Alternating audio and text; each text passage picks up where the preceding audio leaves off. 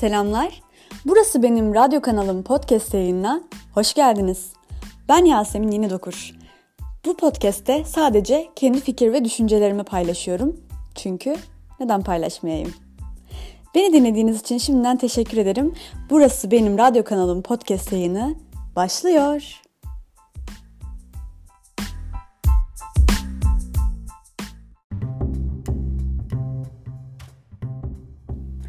Herkese yeniden selamlar. Burası benim radyo kanalımın 7. bölümüne hepiniz hoş geldiniz.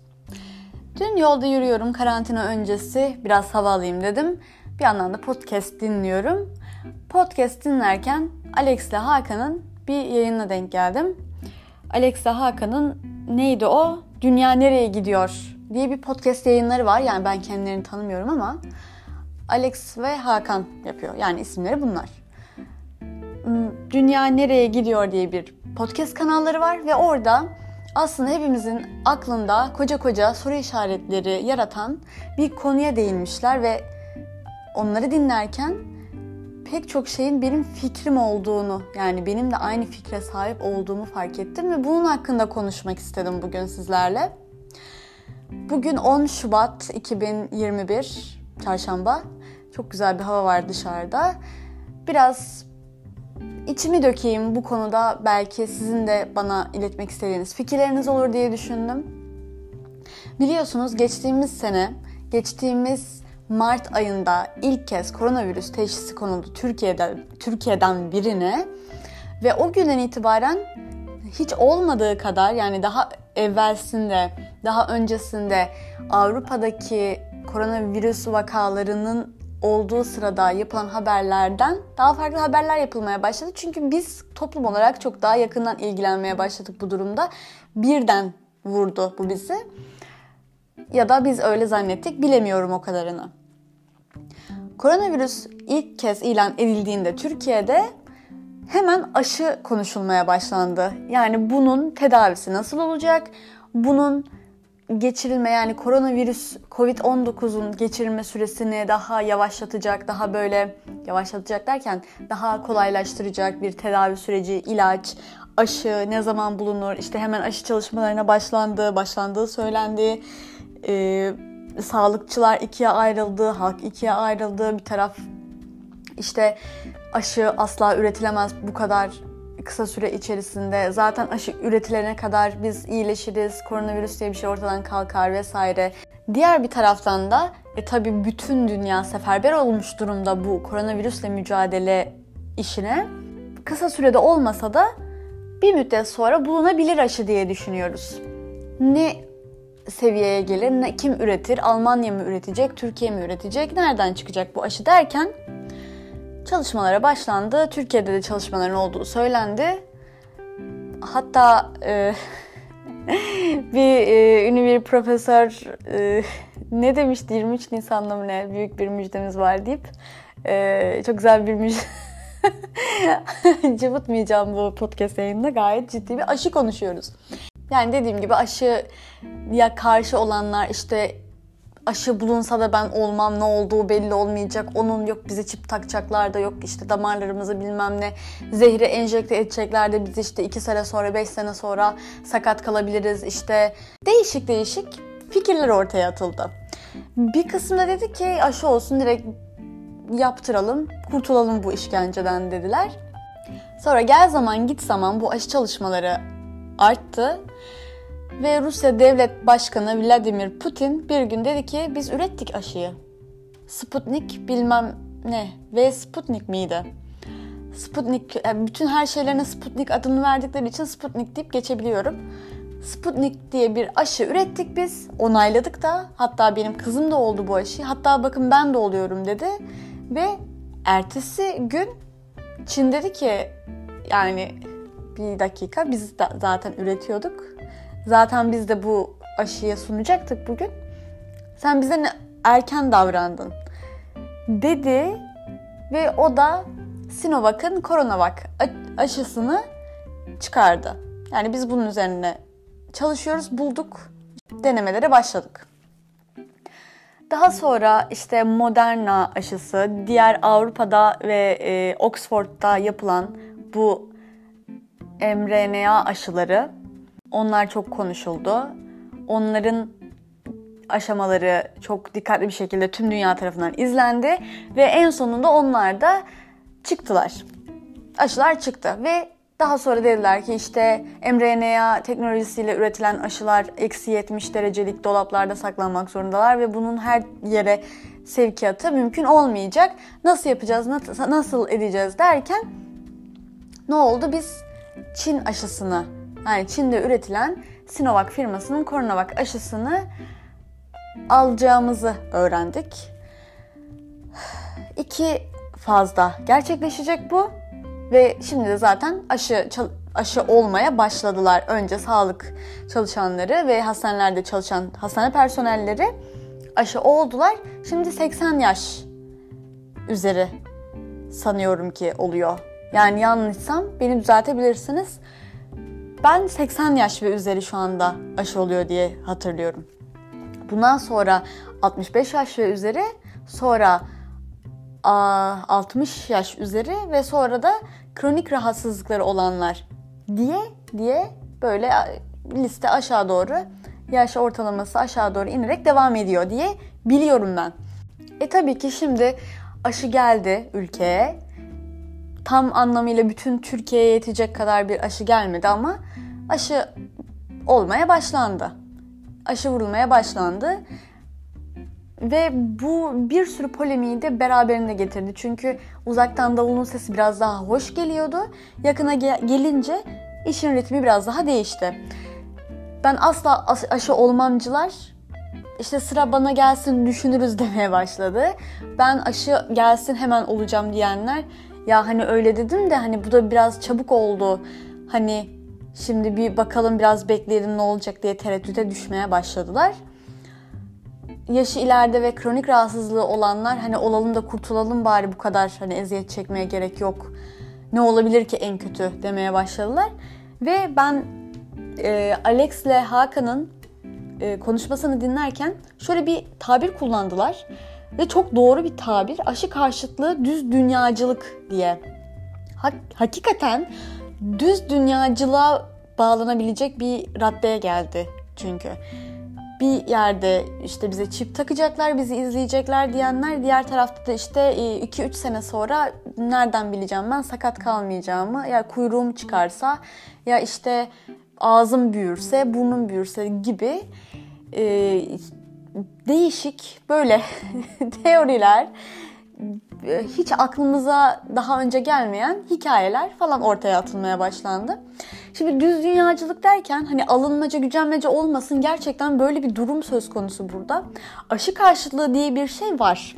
Şimdi aşı karşıtlığı nedir? Aşı olmak istemeyen ve mümkün mertebe çevresine de bunu belirten ve çevresini de bu yönde teşvik etmeye çalışan insandır ve bunun koronavirüs aşısıyla bir alakası yoktur. Nasıl yoktur?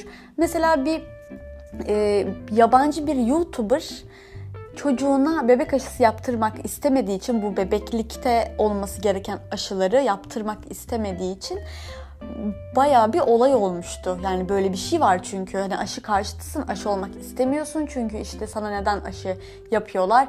Ee, UNICEF'i suçlayan bir taraf var. Neden sürekli aşı toplanıyor işte çocuklar için? Aşı neden gerekiyor? Bu çocukların genetiğiyle mi oynuyorlar vesaire diye böyle bir düşünce var. Ama bu insanlar yani bu fikre adapte olduktan sonra hiçbir şekilde aşı olmamış insanlar ve olmayacak olan insanlar. Yani 5 sene önce ben kızamık aşısı oldum ama şimdi korona aşısı olmak istemiyorum diyen insanlar değiller. Aşı karşıtlığı öyle bir nasıl şey gibi düşünün ya. Hani veganlık gibi düşünün. Bir tercih meselesi. Böyle bir tercih. Aşı olmak istemiyorum ben. İşte yani bunu yapmayan insan büyük ihtimalle zaten hiçbir şekilde hiçbir ilaç almıyordur vücuduna. Yani çünkü ilacın da ne yapacağını bilemezsin. O ilacın üretiminde çalışmıyorsan ve eczacı değilsen onu da bilemezsin sonuçta.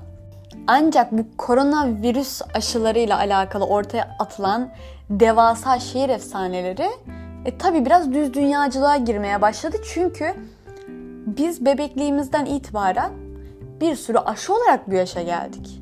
Yani bebekken bir aşın olmuşuz. Omzumuzda hepimizin izi var.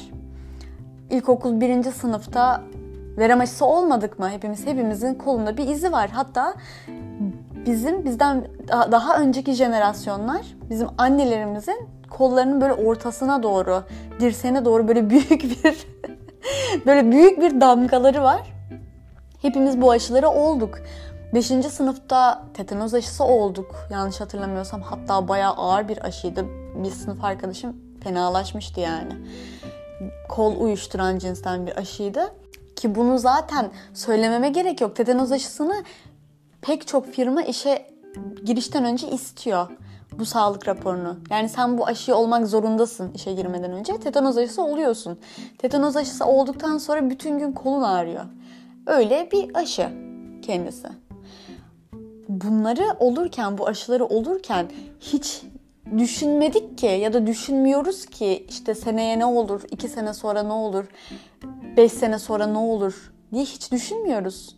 Ama bunları da daha önceden hani şimdi diyeceksiniz ki e, zaten bunlar hani eski aşılar bunlar işte senelerdir insanlar oluyor bu aşıları diye. E, iyi de hiç bu aşıları olurken dönüp de baktık mı kaç senesinde üretilmiş, ne kadar süre içinde üretilmiş ve ne kadar süre içinde uygulanmaya başlanmış. Hiç bununla ilgili herhangi bir enfeksiyon vesaire olmuş mu diye araştırdık mı olurken? Yo, hiç araştırmadık. Ya ben araştıran hiç tanımıyorum. Hiç öyle bir şey duymadım. Çevremde aşı karşıtı insanlar da olmadı. Yani hep biz aşı olduk. Yani aşı karşıtıyım diyebilmek için şöyle olması gerekiyor. Çocuk sahibi olduktan sonra o bebeklik çağında yapılan özellikle şu anda daha fazla aşı varmış bizim zamanımızdan herhalde. Çok net e, şey değilim o konularda. Uzman değilim ama o aşıları da çocuğuna yaptırmaması gerekiyor bu insanın. İşte ilkokul birinci sınıfta verem aşısına gelecekleri gün çocuğunu gidip okuldan alması gerekiyor. Ben çocuğuma aşı yaptırmak istemiyorum diye. Yani bunlar hep zincirleme birbirine bağlı olaylar silsilesi. Aşı karşıtlığı bir görüş, bir ideoloji. Hani veganlık gibi düşünün diyorum ya. Ama koronavirüs aşısına karşıtlık biraz fazla düz dünyacılık. Yani bugüne kadar hiçbir aşıyı sorgulamadın ki sen. Neden şimdi bunu sorguluyorsun? Yok işte bir senede aşı mı olurmuş? E olur. E olur. Bütün dünya buna seferber oldu. Sene 2020, 2021.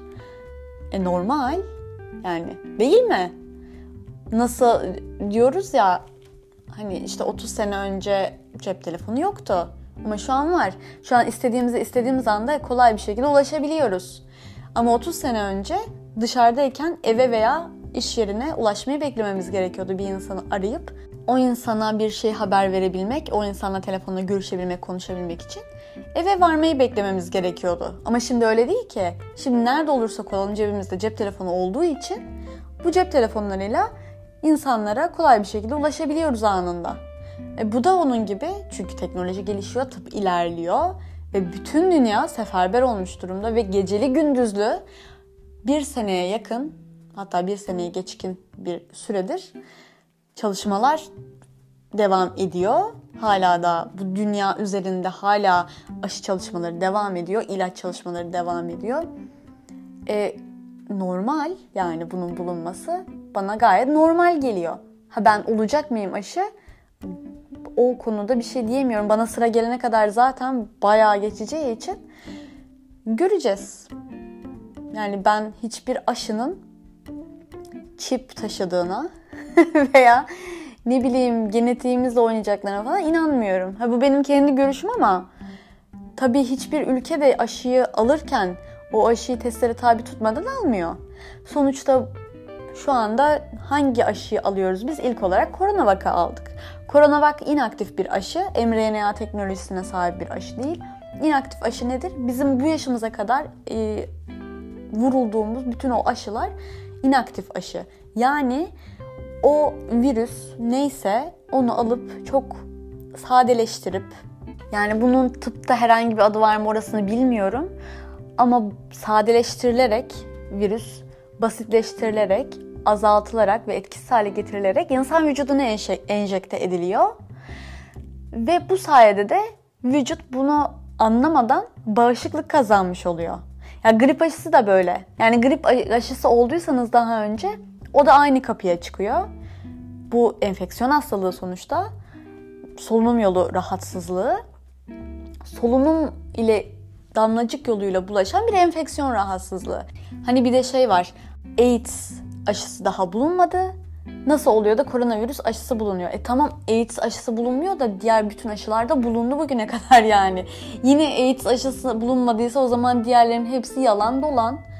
E, madem yalan dolan diğer aşılar AIDS için de bir yalan dolan aşı çıkartabilirlerdi. Kaldı ki zaten AIDS bulaşıcı bir otoimmün sistemi rahatsızlığı. Öyle değil mi? HIV virüsü bulaşıyor bir takım yollardan. E, sadece tek bir yolla değil bildiğim kadarıyla sadece cinsel yolla bulaşmıyor. E, kan yoluyla ve mukoza yoluyla da bulaşıyor. Şimdi o virüsle bu virüsü karşılaştıramazsın tabii ki. Yani biri solunum yolları enfeksiyonuna sebep olan bir virüs, diğeri ise otoimmün sistemi rahatsızlığı meydana getiren bir otoimmün sistemi rahatsızlığına sebep olan bir virüs. Tabii ki aynı şeyler değil bunlar. Nasıl grip bir üst solunum yolu enfeksiyonuna neden oluyorsa bu da aynı şekilde koronavirüs de aynı şekilde üst solunum yollarına ve solunum yollarına etki eden bir virüs. Yani bence aslında bir kıyaslama yaparken sapla samanı elma ile armudu ayırt edip ayrıştırıp öyle kıyaslamak lazım. Öyle kıyas yapmak lazım. Düz dünyacılığın hakikaten çok güzel bir tanımlama olmuş o. Düz dünyacılığın hiçbir anlamı yok. Zaten bütün dünya seferber olmuş ve bütün dünya artık yılmış, bezmiş. Yapılabilecek en iyi şey herhalde aşıyı takip etmek, aşıları takip etmek olacak. Bir de mRNA teknolojisi. Hani bir de şu da var. Bu aslında bendim. Kısa zaman öncesine göre bendim. Çünkü hani bu virüs biliyorsunuz ki Çin'den çıktı. Her ne kadar hani Çin virüsü diye geçmese de Çin'den çıktı, Wuhan şehrinden çıktı. Nasıl çıktığı belli bile değil hala. Ve zaten hali hazırda Çin mallarına karşı büyük bir ne söz konusudur? Ön yargı söz konusudur. Belirli sektörlerde özellikle ve sağlık sektörü hani bir aşı olunca bir de söz konusu olan daha farklı bir durum oldu tabii ki. Almanya'dan Pfizer-BioNTech'in özellikle e, CEO'sunun bir Türk olması sebebiyle hepimizin dört gözle beklediği bir aşı Pfizer-BioNTech. Henüz Türkiye'ye sanırım gelmedi ama gelecekmiş. Pfizer-BioNTech aşısını çok bekledik. Ben de o şekilde düşünüyordum. Şu an biraz daha genişim o düşüncemde. Ama Alman aşısı işte Almanlar daha iyisini yapmıştır. Çin iyisini yapmamıştır. Alman aşısı gelmiyorsa ben Alman aşısı olmak istiyorum. Çin aşısı olmam. Bu da bir seçenek tabii ki ama mRNA aşısıyla hangi aşıyı olduk? mRNA teknolojisiyle, e, tekniğiyle yapılan hangi aşıyı olduk bilmiyorum mesela ben. İnaktif aşıyı biliyoruz. Bu en eski yöntem gerçekten. Ancak mRNA yeni bir teknoloji, yeni bir aşı tekniği ve bunun hakkında çok da bir şey bilmiyoruz çünkü yaşamadık, tecrübe sahibi değiliz. Almanlar ne kadar iyi olursa olsunlar bu konuda bir geriye yaslanıp bunu beklemek gerekiyor mesela. Bu konuda hak verebilirim bunu söyleyecek olanlara. Çünkü bilmiyoruz mRNA ne demek. Daha yeni duyduk yani RNA RNA'yı biliyoruz biyoloji dersinden az çok tıp okumayan ya da sağlıkla ilgili çok bir bilgisi olmayan bile DNA, RNA ne demek biliyor biyoloji dersinden.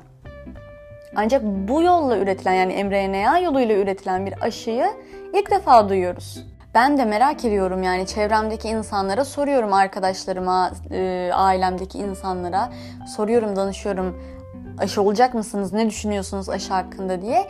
Bir sürü değişik düşünceler var. Şimdi Alman aşısı gelirse olurum ya da Çin aşısı gelirse olurum. Çin aşısı aş asla olmam. Alman aşısını bekleyeceğim. Yok Moderna en iyisiymiş. Moderna'yı bekleyeceğim ben. Yok ben Avrupa'ya gideceğim. Avrupa'da olacağım aşıyı. Ya da ben hiçbir şekilde aşı olmayacağım. Onlar bize işte çip takacaklar. çip takacaklar bize ya da işte kuyruğumuz çıkar belki ya da işte 2-3 sene sonra kolumuz bacağımız e, tutmaz hale gelir ne bileyim. İşte sakat kalırız, kör oluruz. Bitkisel Bu şekilde teoriler var tabii ki ve ama her şeyden önce şunu da düşünmek lazım. Koronavirüse yakalanıp yakalanmayacağımız belli değil. Pek çoğumuz da yakalandı zaten ve pek çoğumuzun sevdiklerinden işte annesi, babası, ne bileyim arkadaşı geçirdi bu rahatsızlığı, Covid-19'u geçirdi. Benim de çevremde geçirenler oldu. Ben geçirmedim. Ee, umarım ki geçirmem. Çünkü şöyle de bir şey var. Tamam aşı olacağız. Aşı olacağız veya olmayacağız. O aşının ne getireceğini önümüzdeki birkaç sene içinde bize ne getireceğini bilmiyoruz. Yani bütün doktorlar geri zekalı çünkü bütün doktorlar geri zekalı. Biz daha iyisini bildiğimiz için tabii bunun önünü görmek istiyoruz. Ee, evet biz 3-4 sene sonra aşı olduğumuz takdirde başımıza ne gelecek bilmiyoruz. Ancak biz Covid-19 geçirip daha sonra bunu atlattıktan 4-5 sene sonra ne olacak vücudumuz onu da bilmiyoruz. Yani bir vücudun hastalığı geçirmesi mi yoksa ona bağışıklığını kazandıracak bir ilacın vücuduna enjekte edilmesi mi daha iyidir? Orası da tartışılır. Yani biz her şeyi tartışıyoruz artık zaten. Acaba siz ne düşünüyorsunuz bu konu hakkında? Ben herkesin düşüncesini bu konuda çok merak ediyorum. Dediğim gibi evet düz dünyacılar da olabilir. Yani Yasemin düz dünyacı dedin ama hani ben böyle düşünüyorum. Gerekçem de şunlar diyebilirsiniz. Hatta ben bu podcast'ın açıklama kısmına Gmail adresimi ekleyeyim.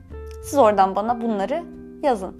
Hatta öneri ve şikayetleriniz için de bana ulaşmaktan çekinmeyin. Diyorum ve beni dinlediğiniz için teşekkür ediyorum. Bir sonraki episodda görüşmek üzere. Bye bye.